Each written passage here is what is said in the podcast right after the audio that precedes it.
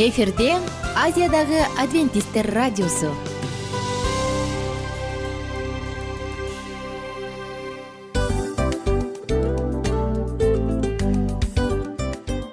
Достор салют. Баардык сүйүктүү угармандарыбызга салам айтабыз. Кутман күнүңүздөр менен. Ден соолук өмүрдүн булагы демекчи саламат саамы программасында баарыңыздарды көргөнүбүзгө абдан кубанычтабыз. Анда алгач амандашып өтөлү арбаңыздар деп. Ден соолугуңуздар кандай элибизде көбүнчө ден соолук кандай дегенде эле жакшы деп жооп беребиз э? ооруп турсак дагы жакшы дейбиз. Анан мен муну айтып ойлойт элем бул абдан сонун сөз депчи анткени бул жакшы деген үмүт да э баары жакшы болот. Баары сонун. Деп үмүттөнүп атып эле өзүбүздү өзүбүз дарылап коебуз.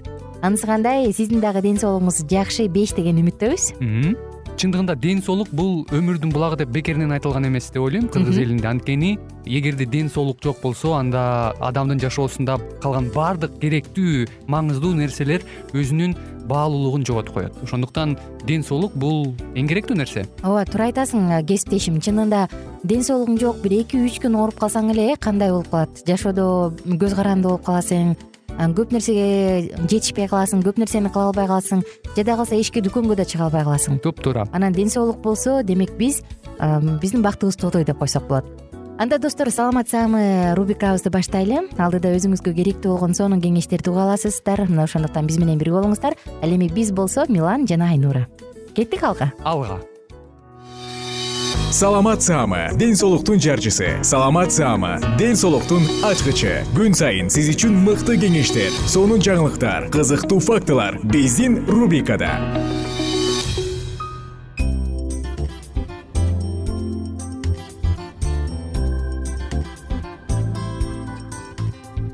саламатсыздарбы достор кандайсыздар айымдар жана мырзалар. Жалпыңыздар менен амандашып саламдашып биз болсо саламат саамы рубрикасын баштадык. Аты жөнүм айнура миназарова жана бүгүн дагы сиздер менен бөлүшө турчу маанилүү жана албетте керектүү темалардын бири орундалмакчы мына ошондуктан биздин баардык сүйүктүү угармандарыбызды катарыбызга чакырам келиңиз жакыныраак отуруңуз. Радионун үнүн өктөмүрөөк чыгарыңыз дагы өзүңүзгө кам көрүш үчүн өзүңүздүн жакындарыңызга кам көрүш үчүн бул сонун уктуруубузду тыңдаңыз. Анда эмесе алдыны көздөй жөнөдүк.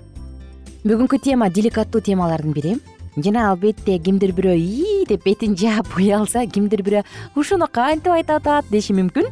Бирок ошентсе дагы ар бир орган денебиздеги кам көрүүгө муктаж мурунку уктуруулардан айырмаланып бүгүн биз сиздер менен ачык сүйлөшүүчү бир темалардын үстүнөн сөз кылабыз. Бул аял затынын жыныстык органы деп аталат. Аял затынын жыныстык органы мурунку уктурууларда мырзалардыкы аларда кандай оорулар бар кандай коркунуч бар кантип туура кам көрүш керек мына бул жөнүндө сөз кылганбыз. Ал эми бүгүн болсо энелерге апаларга эжекелерге сиңдилерге кезек келди. Аялдын жыныстык органы жөнүндө сөз болмокчу албетте бул тема сизге бир аз жагымсыз угулушу мүмкүн уяттуу угулушу мүмкүн бирок аялдар эгерде бул жөнүндө аял заты деп айтайынчы жалпы бул жөнүндө кененирээк биле турган болсок албетте биз куралданабыз албетте биз көп маалыматтуу болобуз адамда канчалык көп маалымат болсо ал ар кандай жагдайда албетте туура чыгуу жолун дагы тандайт. Ошондуктан айымдар анда биз менен бирге болуңуздар алдыны көздөй жөнөйлү аял затынын жыныстык органы эң эле ар түрдүү. Аны толугу менен изилдеп бул мындай бул мындай дей албайбыз э. Аял затынын жыныстык органынын сырты бул вульва деп аталат. Ал жакта дайыма инфекция кирип кетүү коркунучу бар. Анткени ал жакта дайыма нымдуу жана температурада дагы жогору болгондуктан көптөгөн бактериялардын өрчүп кетишине коркунучу жай болуп саналат. Ошондуктан вульва дайыма инфекциялардан коргоп турууга муктаж. Аны жууп туруу керек жана ага жакшы кам көрүш керек. Ошондой эле вагиналдык инфекциялардын дал ушул жыныстык инфекциялардын дагы бир нерсеси бул кычкылтектүү айлана чүрөө болуп саналат эмеспи. Булардын баардыгы тең бактериялардын өрчүшүнө жакшы ошондуктан туура кам көрүш үчүн эмне кылыш керек? Кандай кылганда өзүбүздү жугуштуу оорулардан сактай алабыз? Мына ушул жөнүндө дагы сөз кылсак болот достор мисалы башка заттар чоочун заттар мисалы самын же бойго бүтүрбөөчү каражаттар же болбосо дагы бир кандайдыр бир препараттар булардын баардыгы тең ошол жерде кыжырдантат. Анын натыйжасында ал жакта кислотность же кычкылдык өтө көбөйөт дагы аял затынын жыныстык органында бактериялар гарднелла вагиналис деп аталган грибу бактерия же болбосо грибоктор кандида тукум уюмунан же үй бүлөсүнөн тобунан болгон грибоктор дагы өтө көп чоңое баштайт экен. Ошондуктан канчалык кыйын болбосун канчалык оор болбосун бирок бул нерсени эске алып анан албетте өзүбүздүн ден соолугубузга кам көрүү зарыл. Аялдын жыныстык органы көбөйүү кызматын аткаруучу мүчөлөр алар ички жана сырткы болуп бөлүнөт. Ички жыныс органдар жыныс гормондорун бөлүп чыгарып ал гормондор канга өтүп организмдеги маанилүү процесстерди башкарат аялга таандык экинчи белгилердин өсүп жетилишин жөнгө салат. Аларга энелик без жатын жатын түтүкчөсү жатынгыны чоң жана кичине жыныс эрини кирет. Энелик без жатындын эки жагында жайгашкан жуп жыныс бези ал жатынга кыймылдуу бекип турат. Анда жыныс клетка энелик клетка өөрчүйт ошондой эле жыныс органдары нормалдуу иштешине жана экинчилик жыныс белгилерине э, таасир этүүчү гормондорду иштеп чыгарып турат энелик бездин иши аялдын жашына жана бүткүл организмдин функциялык абалына жараша болот. Жатын түтүкчөлөрү энелик без сыяктуу эле жатындын эки жагында жайгашкан ал ич челинин бүктөмүнөн орун алган оң түтүкчө солго караганда узунураак келет. Эгерде уруктанган энелик клетка жатын түтүнүндө токтоп калса жатындан тышкары бойго бүтүү болот. Бул внематочный деп айтып коебуз э? Жатын түтүгү түйүлдүктүн чоңоюшуна ылайык ташылган эмес ошондуктан ал жарылып кетиши мүмкүн. Жатын булчуңдуу көңдөй орган. Жатын кыны түтүк сымал булчуңдуу узундугу жетимиш тогуз сантиметр көңдөйчө ал үч катмардан турат аялдын сырткы жыныс органына чоң жана кичине жыныс эриндери кирет. Мына ушундай достор. Эми жатын жөнүндө бир нече сөздөрдү фактыларды жана сандарды цифраларды айта кетели элестетип көрүңүз аял затынын жыныстык органынын негизги жалпысынан кычкылдуулугу төрт бүтүн ондон беш ph экен. Эгерде матка же жатын кош бойлуу эмес учурда анын болгон гана сыйымдуулугу беш миллилитр элестетиңиз. Бул бир эле чай кашык матка э анан аял кош бойлуу болгон кезде ал он литрге чейин чоңоет тагыраак айтканда эки миң эсеге көбөйөт. Элестетиңиз беш миллилитрлик матка он литр көлөмгө чейин чоңоет. Кызык э? Бул аябай кызык. Аял затынын жашоосунда болжолдуу түрдө төрт жүз жолдо менструалдык же болбосо айыз келип турат.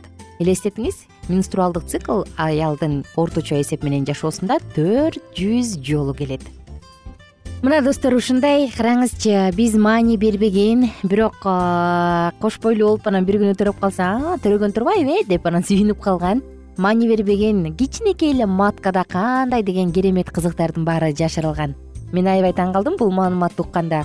Э, кош бойлуу эмес кезде аял затынын өзүнүн күнүмдүк жашоодогу маткасынын же жатынынын көлөмү болгону беш миллилитр бир эле чай кашык андан чоң эмес ал эми төрөр маалда он литрге чейин жетет экен. Айымдар бүгүнкү маалыматтар дал ушулар болду. Эгерде сизге бул тема кызык болсо анда албетте кийинки уктурууларыбызга да чакырабыз. Алдыда аял заты өзүнүн жыныстык органына кантип кам көрүш керек? Кандай табигый каражаттар менен биз ар кандай ооруларды алдын ала алабыз? Деги эле рак деген эмне? Мына ушул жөнүндө баардыгы тең алдыда кененирээк болот. Анан албетте адамдын жаңы жашоо баягы маткада же болбосо жатында пайда болот эмеспи? Булардын баардыгы жатында пайда болот дагы анан адам баягы жаңы жашоо чоңоюп чоңоюп чоңое баштайт дагы анан туура өсө баштайт. Эгерде дал ушул жатында рак бар боло турган болсо рак оорусу. Анда ал жаңы жашоонун өсүшүнө жол бербейт. Демек чоң көйгөйлөр жаралат. Ошондуктан ар бир айым өзүнүн ден соолугуна кам көрүп убагында текшерилип коюп туруусу дагы маанилүү. Достор мен сиздер менен коштошом. Кийинки уктуруудан амандашканча күнүңүздөр көңүлдүү улансын.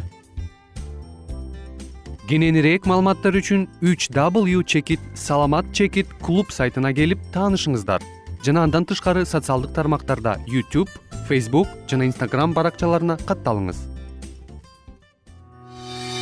Саламат саама ден соолуктун жарчысы. Саламат саама ден соолуктун ачкычы. Күн сайын сиз үчүн мыкты кеңештер сонун жаңылыктар кызыктуу фактылар биздин рубрикада.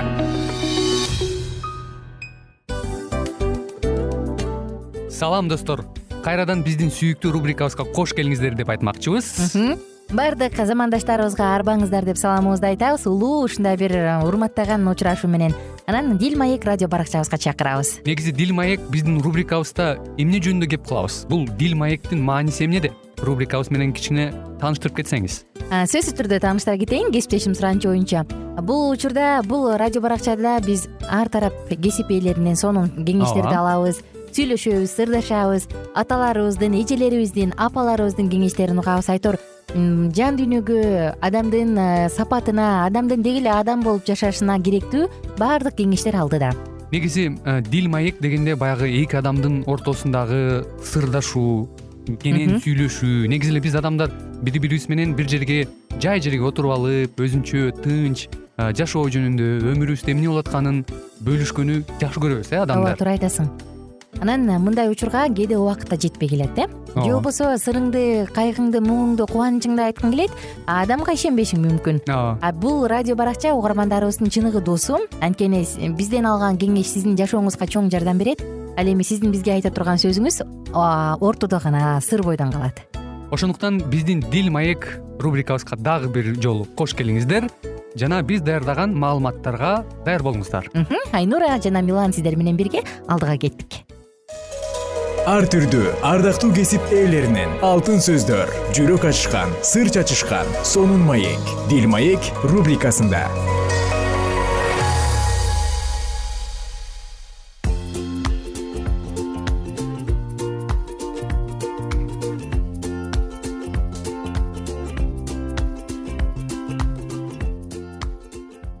саламатсыздарбы достор. Кандайсыздар айымдар жана мырзалар. Бүгүнкү биздин экинчи сегменти экинчи бөлүмдөгү рубрикабызга өзгөчө үй бүлөлөрдү анан жашоосунда деги эле мен бактылуу жашагым келет деген угармандарыбыздын баардыгын чакырмакчыбыз. Анткени биз сиздер менен үй бүлө тууралуу сөз кылалы деп чечтик достор. Аты жөнүм айнура миназарова сиздер менен бирге бул саатта бул мүнөттөрдө мыкты маалыматтарды бөлүшүүгө даярмын. Жана албетте ишенем сиздер дагы өз тараптан колдон келишинче угуп бизден жаңырган сонун маалыматтарды жашооңузга колдонууга даярсыз деп ишенем. Достор биз бүгүн сиздер менен баштай турган китеп бактылуу үй бүлө деп аталат. Анан албетте үй бүлө чөйрөсүнө арналгандыктан жалпы ата энелерди балдарды деги эле жалпы коомду баардык угармандарды чакырам анткени. Мамлекет кичинекей үй бүлөдөн түзүлөт жана ар бир адам төрөлгөн соң үй бүлөдө чоңоет. Анан албетте келечегинде сүйгөнүмө жетсем сүйгөнүм менен бактылуу болсом деген ой менен биз дагы бактылуу үй бүлөгө умтулуп бактылуу үй бүлө курууну самап келебиз. Анда достор жөнөдүк алдыдагы мүнөттөр сиз үчүн жагымдуу гана эмес пайдалуу дагы болсун деген тилектемин. Жакшы үй бүлө жакшы үй бул жаштар үчүн кандай жакшы мектеп болсо улуулар үчүн дагы ошондой дейт. Самуэль смайлс үй бүлө чөйрөсүн жөнүндө айтсак адамзат коому үй бүлөлөрдөн түзүлөт. Жана ал жубайлардын өз үй бүлөсүнүн түзгөнүнө дагы жараша болот. Үй бүлө бул улуттун жүрөгү. Караңыздарчы кандай айтылган сөз. Мамлекеттин келечектеги көтөрүлүүсү же төмөндөшү жаш муундардын мүнөздөрүнө жана моралдык жагынан жашоо шарттарына байланыштуу болот. Эгер жаштардын моралдык жактан нравалык жактан баалуулуктары жок болсо анда албетте коомдуку дагы ошондой болот. Сиз деле мен менен макул болот болушуңуз керек бул жагынан эгерде жаш адамдарга бала кезинен эле өзүн өзү башкаруу токтоолук айлана чөйрөгө болгон түз көз караш сапаттарын куя берсе анда алар тегерегиндеги адамдарга жакшы таасир тийгизе алышат. Эгерде аларды тарбиясыз жана короосуз калтырып койсо алар өз билди токтоосуз жана аягы жамандык менен аяктайса анда албетте өлкөнүн дагы келечеги ошондой. Жаштардын бүгүнкү көнүмүш адаттары колдонгон максаттары келечектеги муундарга залакасын тийгизет. Туура эмес уюштурулган үй бүлөнүн таасири бүгүн баардык жерде жайылуу үй санаа бүткүл коомго зыянын тийгизип жатат. Ал жамандыктын агымы болуп куюлуп үй бүлөнү коомду жана башкаруучуларды жаралап жатат караңыздарчы. Эрежелердин маанилүүлүгү адамга бала чагынан баштап эле бул дүйнөнүн жаңылыштыгынан жана ыпыластыгынан коргочулоп туруучу ишенимдүү таяныч керек. Ар бир үй бүлөдө өз эрежелери болушу керек. Мисалы ар бир үйдө эреже эле эмес ар бир үй бүлөнүн өзүнүн салты дагы бар өзүнүн мүнөзү дагы бар өздөрүндө кайсы бир тартиптер дагы бар э? Мисалы жөнөкөй эле туулган күн тоосууда биздин үй бүлөбүздө туулган күн тоозгондо сонун бир салт бар мага абдан жагат. Биз ошол туулган күндүн туулган күн ээсинин жакшы жактарын айтып аны көтөрмөлөп мактап анын сонун жаратылгандыгын айтып беребиз. Ошол сыяктуу албетте ар бир үй бүлөдө дагы өзүнчө бир тартиптер эрежелер бар. Ал эми достор ата энелер бири бирине жасаган жакшы мамилелери аркылуу өз балдарына тирүү үлгү көргөзүүсү зарыл. Баардык учурда сөздүн тазалыгы сылыктык жөнүндө кам көрүш керек. Балдарды жана жаштарды өзүн сыйлоого кудай алдында ачык болууга өздөрүнүн ой максаттарына бекем турууга үйрөтсөңөр булардын баары алардын жашоосун башкарып деги эле э, тегерегинде жакшы таасирин тийгизип коет. Ушул жол жоболорду карманган балдар башкаларга жакшы үлгү жана насыяттоо аркылуу адилеттүү болууга жардам берет. Алар өздөрүнө берилген сапаттарды туура алып жүрүү аркылуу денелик ой жүгүртүүлүк жана түз баалашат жана аларды денелик акыл эстүүлүк моралдык күчтөрүнө дагы туура колдонушат. Ата энелердин өзгөчө деңгээлдеги мамилелери үй бүлөгө өзгөчө таасирин тийгизет эгерде ата энелердин ортосунда ар кандай келишпестик болсо балдарга дагы ушул жамандык өз рухун жугузат. Ошондуктан өз үй бүлөңөргө бирин бири жүрөк элжиреткен кам көрүү жаратууга дагы аракеттенгиле.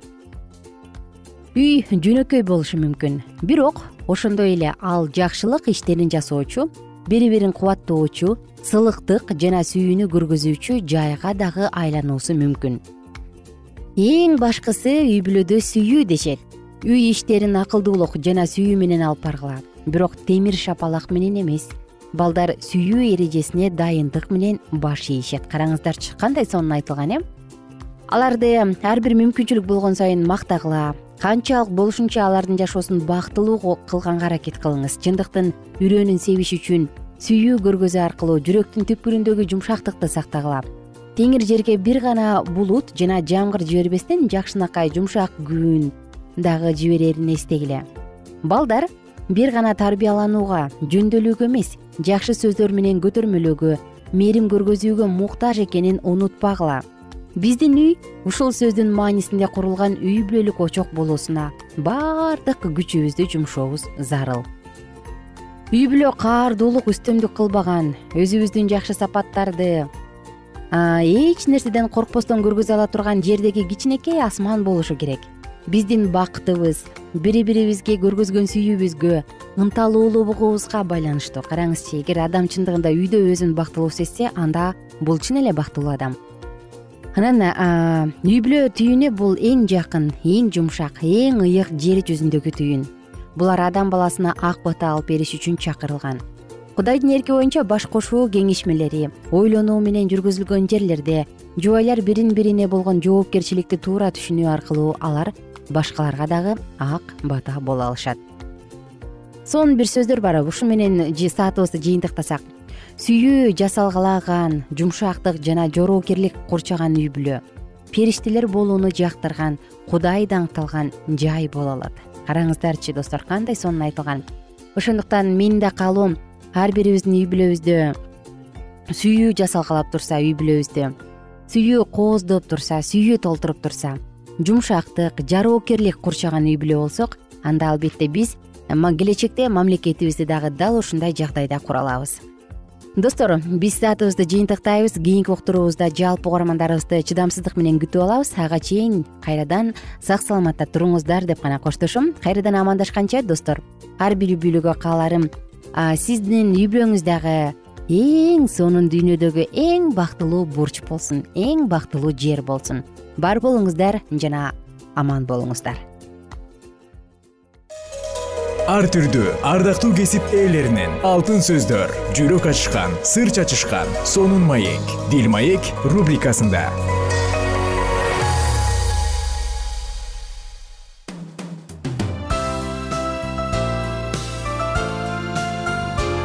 Эфирде азиядагы адвентисттер радиосу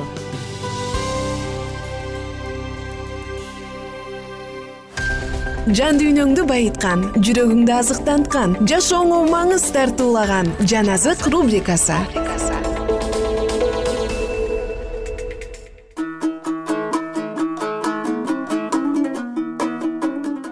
Салют достор кандайсыздар маанайыңыздар сонунбу бизде болсо баары жакшы. Жана сиздер менен бирге биз жан азык уктуруусун баштадык сиздер менен чогуу мурунку уктуруудан бери марк жазган жакшы кабар китебин окутуп келатабыз. Анда эмесе андан ары уланталы марк жазган жакшы кабар онунчу бөлүм.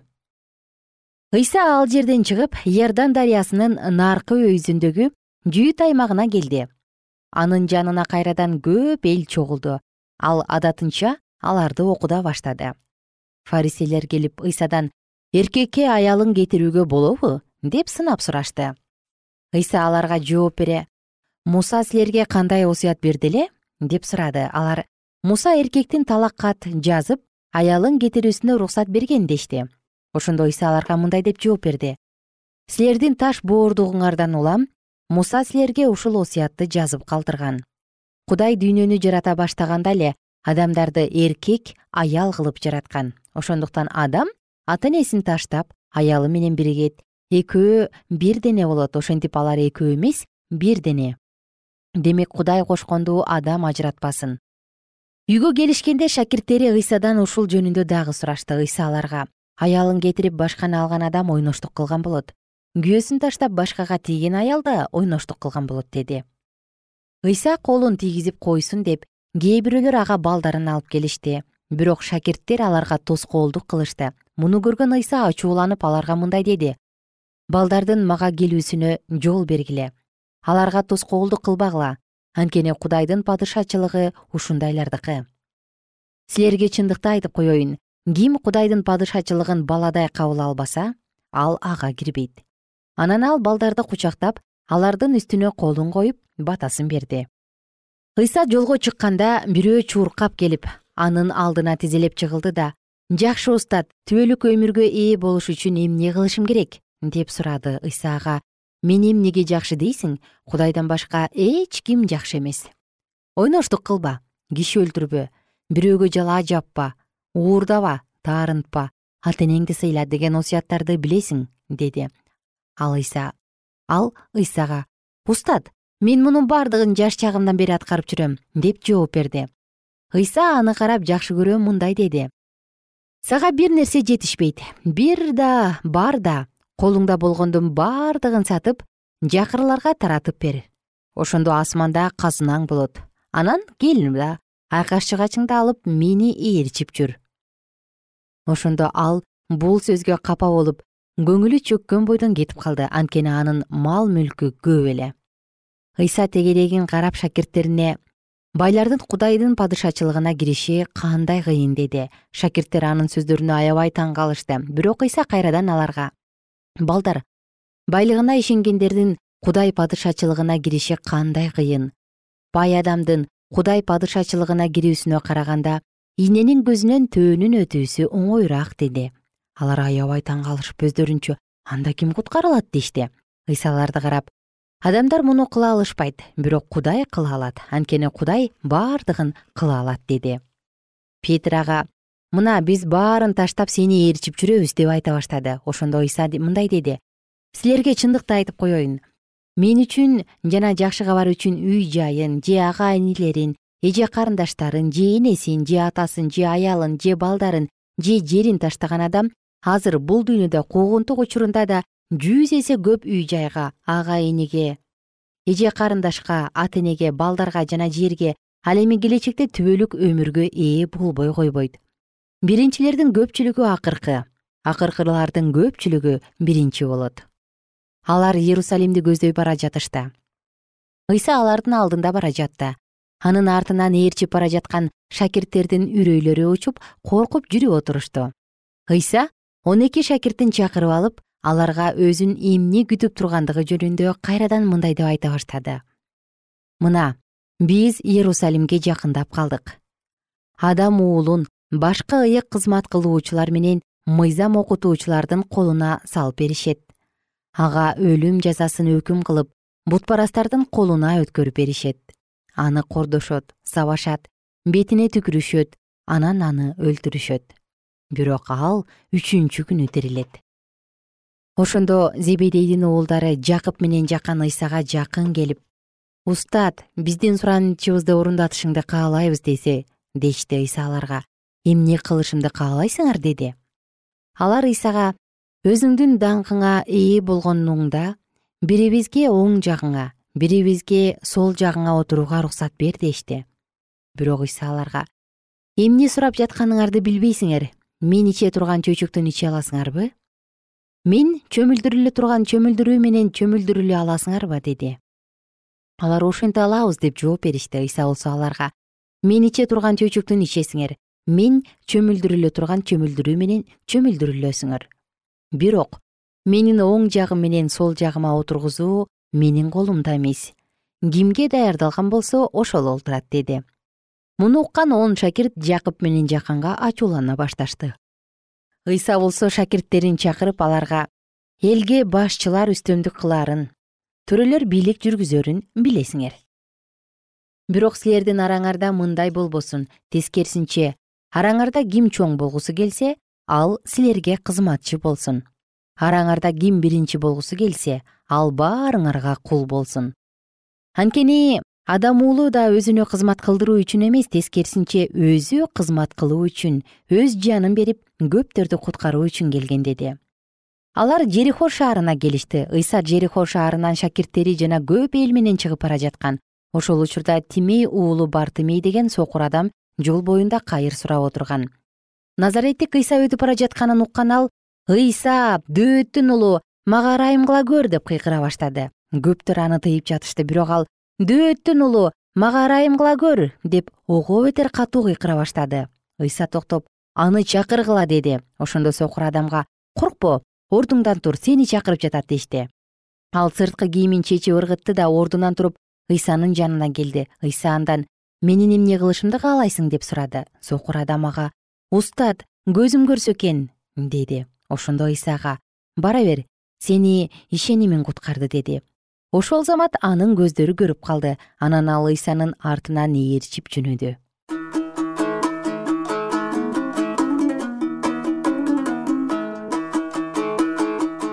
Кымбаттуу достор биз сиздер менен кийинки уктуруубузда үн алышабыз. Кайрадан амандашканча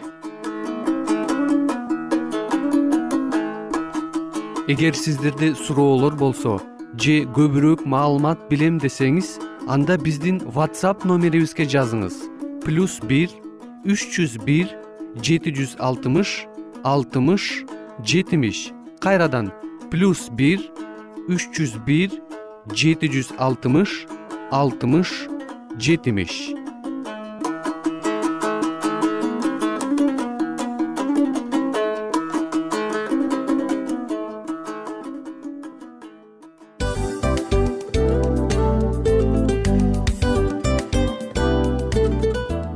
ушул менен достор программабыздын уктуруубуздун эң кайгылуу мөөнөтүнө келип жеттик. Кайгылуу дегенде ыйлагым келип кетти кесиптеш кадимкидей. Анткени баягы учурашасың анан коштошуу учур келгенде ии кантип ии эми бат баттан келиптир э сагындырбай деп атып араң коштошобуз го. Анысы кандай угармандарыбыз менен коштошчу учур келди кийинки уктурууларды сагыныч менен жүрөгүбүздө кусалык менен күтөбүз жалпыңыздарды анан жарым сааттык уктуруу көз ачышым канча өтүп кетти. Сөзсүз бирок бизде жакшы кабар бар. Кийинки уктурууларыбызда сөзсүз дагы кезигишебиз. Анткени биз көптөгөн сюрприздерди кызыктуу маалыматтарды жана керектүү керектүү нерселердин көпүнчөсүн даярдадык.